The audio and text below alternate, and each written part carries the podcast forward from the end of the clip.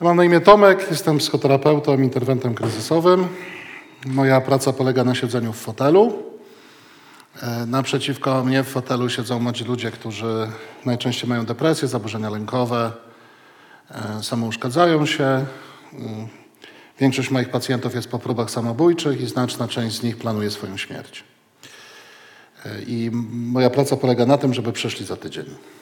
To jest temat bardzo trudny i od razu chciałbym Was o to prosić i Was proszę, żebyście e, po tym, wy, po tym wykładzie, po tym spotkaniu, żebyście też trochę zadbali o siebie, żebyście zrobili to, co, to, co lubicie, to co, sprawia wam, e, to, co sprawia Wam przyjemność.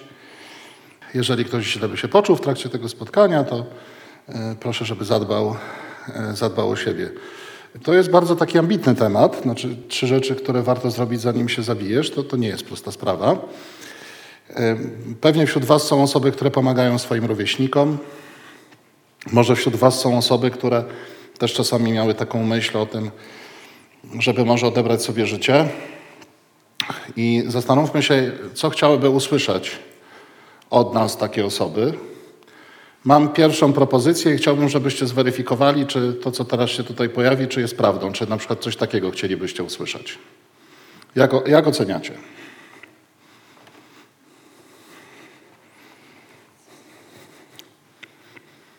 10 na 10, 2 na 10. Essa, czy bardziej disujecie?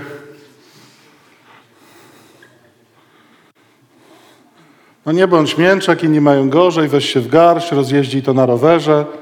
Zrób z tym coś, Bóg tak chciał, Jezus też cierpiał. Przecież życie jest piękne, zrozumiesz jak będziesz w moim wieku, to ze strony rodziców chyba. Nie wiem, jak w ogóle można być takim egoistą, że się rozważa samobójstwo. Podoba Wam się to, czy nie bardzo? Komu się podoba, ręka do góry. Wow. A zobaczymy jeszcze inna. A komu się nie podoba, ręka do góry? Okay. A kto się wstrzymał od głosu? Okej, okay, no to słuchajcie, to muszę powiedzieć, że Wasza świadomość jest naprawdę bardzo duża, ale jednocześnie bardzo serdecznie przepraszam tych z Was, którzy kiedykolwiek coś takiego usłyszeli. Jeżeli jakikolwiek dorosły, rodzic albo nauczyciel powiedział ci coś takiego, to bardzo cię za to przepraszam, to nigdy nie powinno się zdarzyć. Może chciał nawet pomóc, ale, ale nie umiał tego zrobić.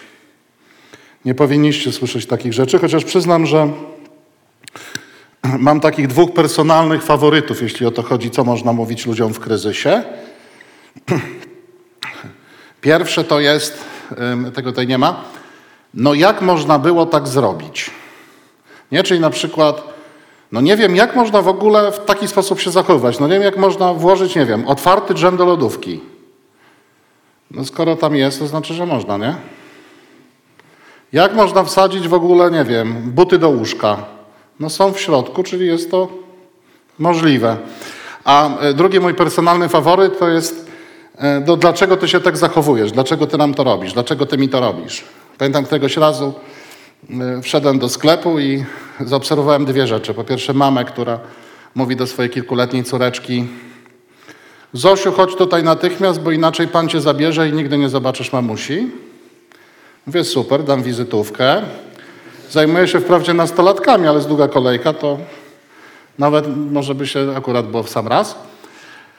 A y, potem zobaczyłem takiego pana, który na takiego dwunastolatka tam krzyczał w tym lidu, dlaczego ty się tak zachowujesz? Ty zawsze się musisz tak zachować, dlaczego ty tak robisz?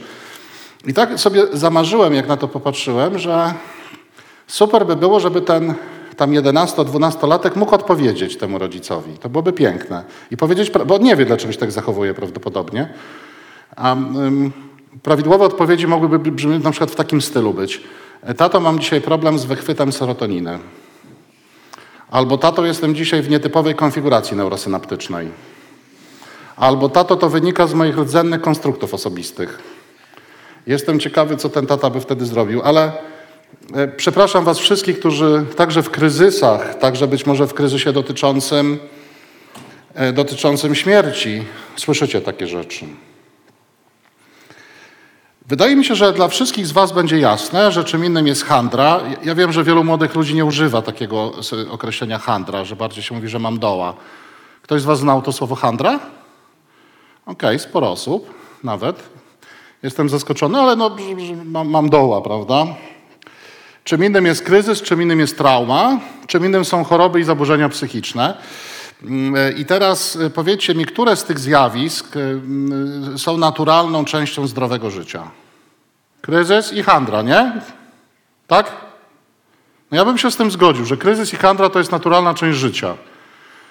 Jeżeli są wśród Was osoby, które nigdy nie miały doła i nigdy nie były w kryzysie, ja bym podpowiadał szybki kontakt z lekarzem psychiatrą. Prawdopodobnie coś jest z wami nie w porządku, nie? czyli oszukujecie się, albo nie macie kontaktu z rzeczywistością, albo pijecie, albo ćpacie. E, dlatego, że to jest normalne, że czasami ludzie czują się gorzej. Zdrowy psychicznie człowiek to nie jest człowiek, który cały czas czuje się dobrze, tylko zdrowy psychicznie człowiek to jest taki, który większość czasu czuje się dobrze. Jeżeli przez 15 lat miałeś ukochanego pieseła albo koteła i ten pieseł i koteł po 15 latach odchodzi za tęczowy most, to jak jesteś w kryzysie po tym fakcie, to jest objaw zdrowia czy choroby? Zdrowia. A jak mówisz, no dobra, miałem jakieś takie ścierwo 15 lat, rzuciłem tam do rowu, leży, no to ja bym miał wątpliwości, nie? Czy to jest, czy to jest, czy to jest osoba zdrowa. Myśli i plany samobójcze mogą występować u osób, które przeżywają wszystkie te cztery stany. Zarówno handrę, jak i są w kryzysie, są po urazach psychicznych oraz są, są chore czy mają zaburzenia psychiczne. Tam mogą się pojawić myśli, plany samobójcze. Dobra, to teraz chciałbym, żebyście mi opisali, dobra, to mimo, że jest bardzo duża sala, to widzę, że możemy mieć ze sobą kontakt i to jest super, też dziękuję za to. Jak wygląda osoba, która cierpi psychicznie, ma na przykład myśli samobójcze? Jak wygląda taka osoba? Wygląda normalnie. Wygląda normalnie. Kto, jak jeszcze? Też to ktoś tutaj ktoś mówił chyba.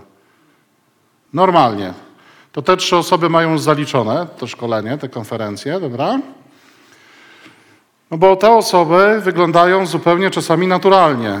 Przecież nikt nie przypuszczał, że Robin Williams, nikt nie przypuszczał, że Avicii, nikt nie przypuszczał, że Chester z Linkin Park w taki sposób i w tym dokładnie momencie e, może odebrać sobie życie. Więc oczywiście czasami tak jest, że osoba, która cierpi psychicznie, jest w kryzysie albo jest chora, czasami tak jest, że ma taką charakterystyczną ekspresję cierpienia. Czyli y, na przykład słucha specyficznej muzyki, izoluje się, zakrywa grzywką oczy, y, ubiera się na czarno, nie dotyczy księży. To jakby mm, to, to, to, to tak, się, tak się może zdarzyć, ale bardzo często osoba, która cierpi, wygląda tak jak my, którzy tutaj jesteśmy w tym miejscu. I czasami bardzo ciężko jest rozpoznać, że ktoś cierpi psychicznie. Wracając do kwestii dotyczącej samych myśli samobójczych, to na całym świecie widzimy mniej więcej pięć powodów, dlaczego, dlaczego ludzie, i tutaj miałbym ochotę powiedzieć, chcą odebrać sobie życie, ale wtedy zawsze sobie przypominam, że osoba, która planuje swoją śmierć, nie jest osobą, która chce odebrać sobie życie, tylko jest osobą, która chce zmienić sytuację, w jakiej się znajduje. Tak jest zawsze. Samobójstwo nie wynika z chęci odebrania sobie życia, tylko wynika z chęci zakończenia sytuacją, w jakiej dana osoba przebywa. I tych powodów najczęściej wskazuje się pięć. Pierwsze to są powody wytchnieniowe. Polska suicydologia, czyli nauka o samobójstwach, nazywa te powody egoistycznymi. Mnie się bardzo ta nazwa nie podoba, ponieważ osoby, z którymi ja mam kontakt, które myślą o śmierci w żaden sposób nie są egoistami. Natomiast te powody wytchnieniowe to są powody związane z tym, że po prostu nie chcę już dłużej cierpieć. Czy to jest egoizm? Nie sądzę. I to jest chyba najczęstszy motyw. Czasami tak się zdarza, że to są powody odbarczeniowe, to znaczy chcę przestać być problemem, chcę przestać być problemem dla świata, chcę przestać być problemem dla moich rodziców, nawet czasami nauczycieli, czy chcę przestać być problemem dla psychoterapeuty, bo zajmuje tylko miejsce. Są kolejki pewnie, gdyby ktoś inny zajął moje miejsce, udałoby mu się pomóc bardziej. Są też powody, które nazwałbym takie około filantropijne, czyli ktoś przez samobójstwo chce zwrócić uwagę na jakiś problem. Jakiś czas temu poznałem nastolatka, który całkiem nieźle ogarniał szkołę, ale z jednego przedmiotu nauczycielka mu powiedziała, że ty na pewno nie zdasz. I on miał taki pomysł, żeby zostawić list, dokonać zamachu samobójczego po to, żeby zwrócić uwagę na to, że szkoła bywa niesprawiedliwa i chciał w ten sposób zmienić system edukacji. I to było dla niego bardzo ważne. I to powiedzielibyśmy taki motyw parafilantropijny. Motyw destabilizacyjny, czyli taki motyw związany z tym, że nagle coś się wydarzyło w moim życiu, co zdestabilizowało moją psychikę. I w związku z tym, w związku z tą destabilizacją, nie widzę żadnego sensownego rozwiązania. I bywają też pobudki fatalistyczne, czyli takie związane z końcem świata, globalnym ociepleniem, rozwojem autorytaryzmów na świecie, wojną w Ukrainie, kolejną pandemią. Wszystkie te przyczyny myślenia o samobójstwie tutaj są mieszczone mniej więcej w takiej hierarchii, jak występują najczęściej. Od najczęściej występujących, wytchnieniowych, do najrzadziej występujących fatalistycznych. Czasami zdarza się, że myśli samobójcze są objawem choroby. Jest kilka chorób, zaburzeń psychicznych, przy których widzimy symptomy związane z myśleniem o śmierci. Czy potrafilibyście wymienić jakąś chorobę psychiczną, która prowadzi do takich myśli? Ok, to jest propozycja schizofrenii, jest jakiś trop. Depresja, dziękuję za odwagę. Tak, depresja i dwubiegunowość to będą choroby należące do tej samej grupy, zaburzenia afektu. W przypadku depresji mamy do czynienia z zaburzeniem afektywnym jednobiegunowym, czyli ktoś ma cały czas objawy depresji. W przypadku dwubiegunowości, czyli choroby afektywnej dwubiegunowej, możecie się spotkać z taką nazwą bipolarność na przykład. Będziemy mieli do czynienia z osobą, która jest w fazie depresyjnej i w dokładnie przeciwnej fazie, czyli maniakalnej na przemian. No dobra, to może zostańmy przy tej depresji. Są też inne choroby i zaburzenia. Zostańmy przy tej depresji. I tutaj proponuję zostać przy tej depresji, dlatego że Światowa Organizacja Zdrowia szacuje, że do 2030 roku będzie to najczęściej diagnozowana jednostka chorobowa na świecie. W ogóle jednostka chorobowa na świecie. To teraz, jakie są objawy depresji? Ok, takie poczucie samotności, izolacja, ok. Wycofanie, smutek, przewlekły smutek, super. Poczucie bez sensu, jak najbardziej, dzięki za tę propozycję. To, że ktoś coś mówi, to nie znaczy, że ma depresję, tylko zna objawy po prostu, nie? Oj tak, problemy ze snem, super.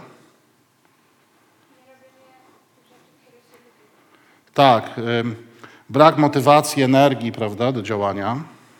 Nawet działania w tych obszarach, które, które niedawno bardzo lubiliśmy. Wycofanie się ze społeczeństwa. Oj tak, poczucie braku zrozumienia i w ogóle tutaj, tutaj przy tym chciałem się zatrzymać przez chwilę. Bardzo dziękuję za ten głos, on jest super. Chciałbym Was prosić o rozważenie możliwości nienadużywania słowa depresja. Nie? Czyli jeżeli Was znajomy e, ujawni Wam często największą tajemnicę swojego życia, że lekarz psychiatra zdiagnozował kilka lat temu mnie depresję, to nie mówcie, że 1 stycznia po Sylwestrze też mieliście depresję. Bo to nie jest depresja. Bardzo często studenci umieszczają taki hashtag w mediach społecznościowych sesja depresja. Sesja presja, to może bym się zgodził. Ale nie jest to depresja. Depresja jest ciężką, przewlekłą chorobą bardzo często. nierzadko trudno wyleczalną, nierzadko z tendencją do nawrotów. I nie ma to nic wspólnego z handrą i z kryzysami, o których sobie wcześniej rozmawialiśmy. I myślę, że to jest wielka wasza rola, żeby nie nazywać właśnie handry, nie nazywać smutków różnych, trudnych sytuacji, jakie macie, żeby nie wrzucać tego wszystkiego do worka depresja. Bo nawet moi pacjenci, pacjentki źle się z tym czują, kiedy naprawdę mają depresję, walczą każdego dnia o otworzenie drugiego oka, a słyszą, że ktoś dostał jedynkę w szkole i ma depresję. Taką 48-minutową.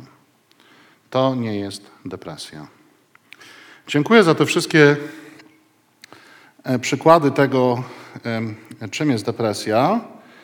Zobaczcie, tutaj mamy kryteria diagnostyczne, wokół którymi posługują się lekarze psychiatrzy. Żeby zdiagnozowali depresję, trzy kryteria diagnostyczne muszą zostać spełnione.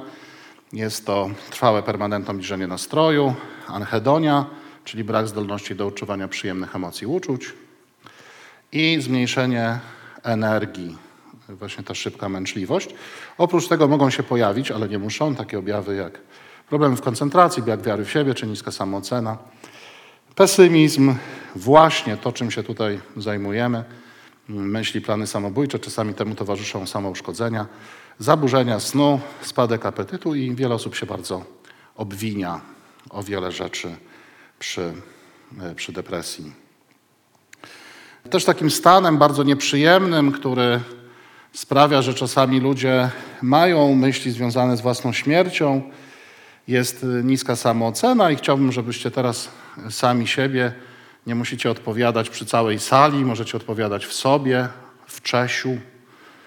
Zobaczcie, jakbyście odpowiedzieli na takie pytania.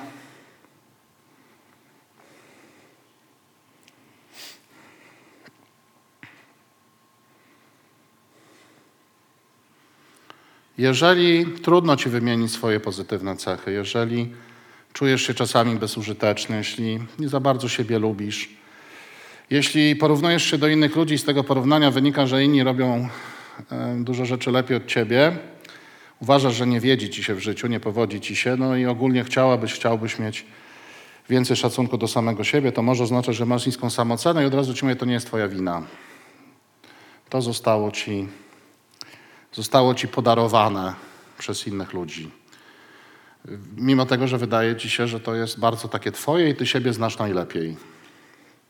To tak nie jest.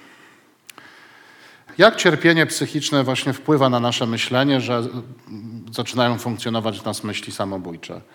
No zobaczcie, nic dobrego mnie nie spotka, świat jest niebezpieczny, a ja jestem beznadziejny. No to to wszystko sprawia, że naprawdę ciężko się w takich warunkach e, funkcjonuje e, w związku z tą sytuacją. Nie? Takie życie rzeczywiście jest bardzo trudne i wiele osób zaczyna mieć taką myśl, żeby, żeby je przerwać. A z perspektywy szkoły to może na przykład wyglądać tak.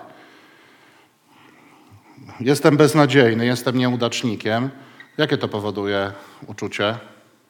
Radość czy smutek? Raczej smutek. Nie, nie znam jeszcze nikogo, kto powiedział, ale fajnie, jestem beznadziejny, super. Raczej, raczej to u ludzi powoduje smutek. Jak jesteś smutny, smutna, to masz dużo energii i siły do działania? Raczej nie. Jak masz dużo siły, energii do działania, to odrabiasz lekcje, uczysz się do sprawdzianów, do kolokwiów. No nie bardzo, nie? Jak się nie uczysz, to jakie masz oceny? Słabe. A jak masz słabe oceny, to na co to jest dowód? Że jesteś beznadziejny, że jesteś nieudacznikiem, nie? Powiecie mi, jak to przerwać? Na przykład nauczyć się cieszyć z faktu, że jestem beznadziejny. Dobry pomysł? Albo być smutnym, ale pełnym energii. Co sądzicie? Ale na przykład być smutny, mieć mało energii, nie uczyć się, ale wsadzać sobie podręczniki pod poduszkę i wiedza sama nasiąka. Tak, super pomysł. Dzięki za aktywność ostatni rząd. To można przerwać tylko w jeden sposób, że ludzie, którzy mają takie myśli, spotkają w swoim życiu inne osoby, które im udowodnią, że nie są beznadziejni. Tylko zerwanie z myślą Nie jest, jest zerwanie z myślą jestem beznadziejny, a to najlepiej zrobić z innymi ludźmi, tylko to może sprawić, że to koło, błędne koło zostanie, zostanie powstrzymane. I tutaj jest wielka wasza rola jako młodych ludzi. Dlatego, że widzimy to w badaniach, widzimy to w codziennej praktyce. Bardzo wielu nastolatków, młodych dorosłych mówi wiele rzeczy swoim rówieśnikom. Jesteście najlepiej poinformowaną grupą wiekową o sytuacji swoich rówieśników, ponieważ oni szukają powierników. Jeżeli ktoś ma kłopoty w domu, bo rodzice są uzależnieni albo chorzy, jeżeli, nie wiem, kogoś spotyka jakaś forma krzywdzenia, przemoc domowa, jeżeli ktoś się samouszkadza, jeśli ktoś ma myśli, plany samobójcze, to największa szansa, że o tym ktoś będzie wiedział, to jest szansa, że o tym będzie wiedział rówieśnik. No ale przecież nikt nie chce być konfidentem, nikt nie chce zdradzać tajemnic, szczególnie wtedy, kiedy tę tajemnicę wcześniej obiecał. Nie wiem, czy mówi się tak w tym rejonie Polski, być sześćdziesiątą. Mówi się tak? No to nikt nie chce być sześćdziesiątą chyba. Dobrze mówię? Jeżeli koleżanka czy kolega powie ci o tym, że doświadcza jakiegoś krzywdzenia, z którym nie potrafi sobie poradzić albo planuje swoją śmierć, jesteś zobowiązany, zobowiązana do lojalności, tak? Ktoś ma wątpliwości? Trzy osoby mają wątpliwości. To no nie jest już źle. Nie jest już źle. No to porozmawiajmy sobie o tym, co to znaczy być lojalnym wobec swojego przyjaciela, który wam mówi, no przyjaciel, czy nie wiem, wasza siska, nie? I, i, i oni wam mówią e, o tym, że mają już dość życia, że myślą o tym od lat, i że do końca listopada załatwią tę sprawę. To co to znaczy być lojalnym wobec takiego przyjaciela albo siski? Co się wtedy robi, żeby być lojalnym? A jak? Nie pozwolić popełnić samobójstwa. Wiecie, kiedy miałem ostatnią taką sytuację? Wczoraj. Jadąc w te okolice, skontaktował się ze mną jeden z byłych uczestników warsztatów, na których byłem przez Messengera i pokazał mi, co jego kolega pisze do niego, i to się skończyło policją, pogotowiem, szpitalem psychiatrycznym. Uratował swojemu przyjacielowi życie. To było wczoraj wieczorem. Takich sytuacji jest bardzo dużo. Ja też pracuję w telefonie zaufania dla dzieci i młodzieży i tam również wiele osób w waszym wieku dzwoni do nas, prosząc o pomoc nie dla siebie, tylko dla swoich rówieśników, dla swoich znajomych. Kiedy powiesz zaufanemu dorosłemu, albo zadzwonisz na telefon zaufania po takiej wiadomości od przyjaciółki, to przestajesz być lojalny, lojalna? Jesteś sześćdziesiątą, konfidentem, konfiturą pieprzoną? Czy nie? Ja uważam, że nie jesteś. Jak myślicie, jakie są potem reakcje tych do których przyjeżdża karetka pogotowia, wiezie ich na izbę przyjęć szpitala psychiatrycznego. No tak, ale mają pretensje do tych, co uruchomili ten mechanizm? To ja wam teraz powiem, jak to wygląda statystycznie, bo towarzyszę temu. 50% od razu mówi dziękuję. Tak było wczoraj. Kiedy ten, do którego przyjechała karetka pogotowia i policja, napisał do osoby, która ze mną się skontaktowała i powiedziała mi o tym, jaka sytuacja ma miejsce, od razu, jak już przyjechała karetka pogotowia, powiedziała, zadzwoniłeś. No i ten mój, mój, mój, mój ziomek powiedział tak. I on ci mówi, dziękuję. Mówiłem to trzem przyjaciołom, tylko ty to zrobiłeś. I to jest mniej więcej 50%. Pozostałe 25% to są osoby, które mają gigantyczne pretensje, zdradziłeś mnie, niż już ci więcej nie powiem i tak dalej, ale to mija. I nagle ludzie sobie uzmysławiają, że to naprawdę była gruba rzecz, że zdecydowałeś się, zdecydowałaś się na taki krok. I zaczynają to doceniać. Zmieniają zdanie. A 25% rzeczywiście ma już potem pretensje, no ale jednak życie zostało uratowane. Tak jak wczoraj. Trzy rzeczy, które życzę, aby spotkały osoby, zanim odbiorą sobie życie.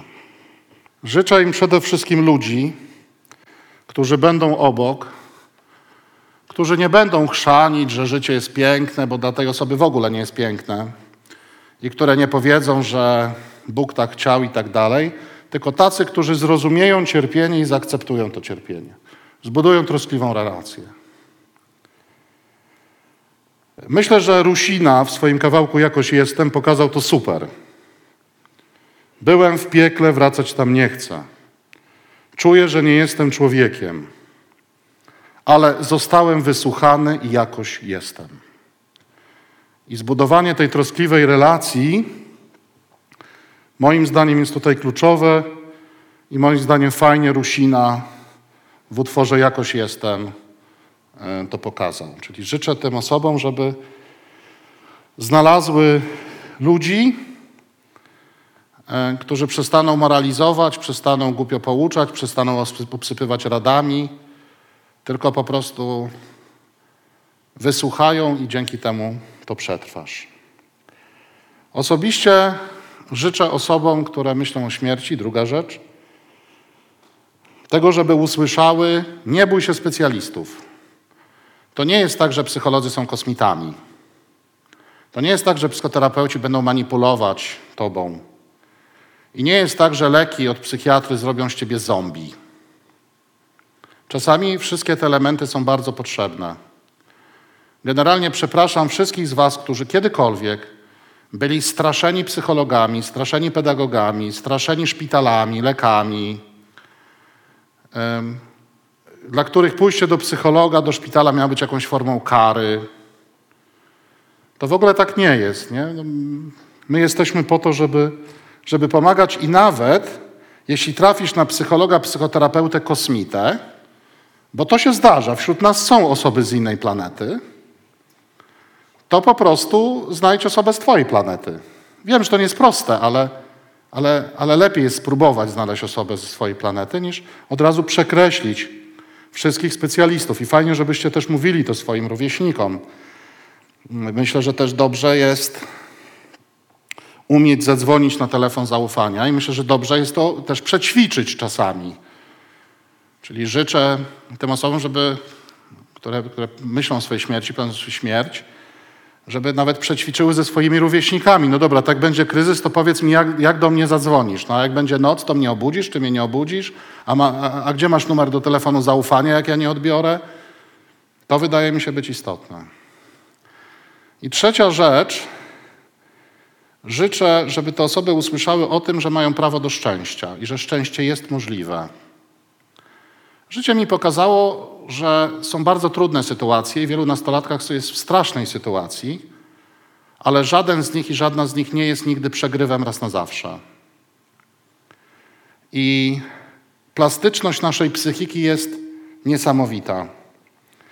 Jeśli w Twojej psychice pojawiły się mechanizmy na jakimś etapie Twojego życia, które wywołują myśli o samobójstwie, to dokładnie tak samo, na tej samej zasadzie plastyczności naszej psychiki mogą pojawić się mechanizmy, które usuną te myśli. Jeżeli coś jest w stanie się w naszej psychice pojawić w pewnym okresie naszego życia, jest w stanie też ulec transformacji na pewnym etapie naszego życia. Zjawisko to nazywamy redefinicją schematu, redefinicją pamięci, rekonstrukcją konstruktów osobistych. I to jest możliwe. I to się dzieje często dzięki członkom rodziny, jeśli są wspierający, dzięki przyjaciołom, przyjaciółkom, czy to się dzieje dzięki psychologom czy psychoterapeutom. I czasami ja też jestem tego świadkiem w pracowni psychoterapii. Bardzo dziękuję, że byliście zainteresowani tym, tym tematem i moim zdaniem to jest właśnie odpowiedź na pytanie, jakie trzy rzeczy powinien usłyszeć, doświadczyć człowiek, który myśli o śmierci. Bardzo dziękuję za to spotkanie.